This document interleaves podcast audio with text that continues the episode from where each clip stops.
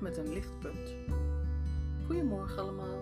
Dankjewel dat je luistert naar de dagelijkse podcast van Atelier het Baken. Mijn naam is Tini Lubbering. Elke dag kom ik lichtpuntjes tegen. Zoals een mooi moment in een gesprek.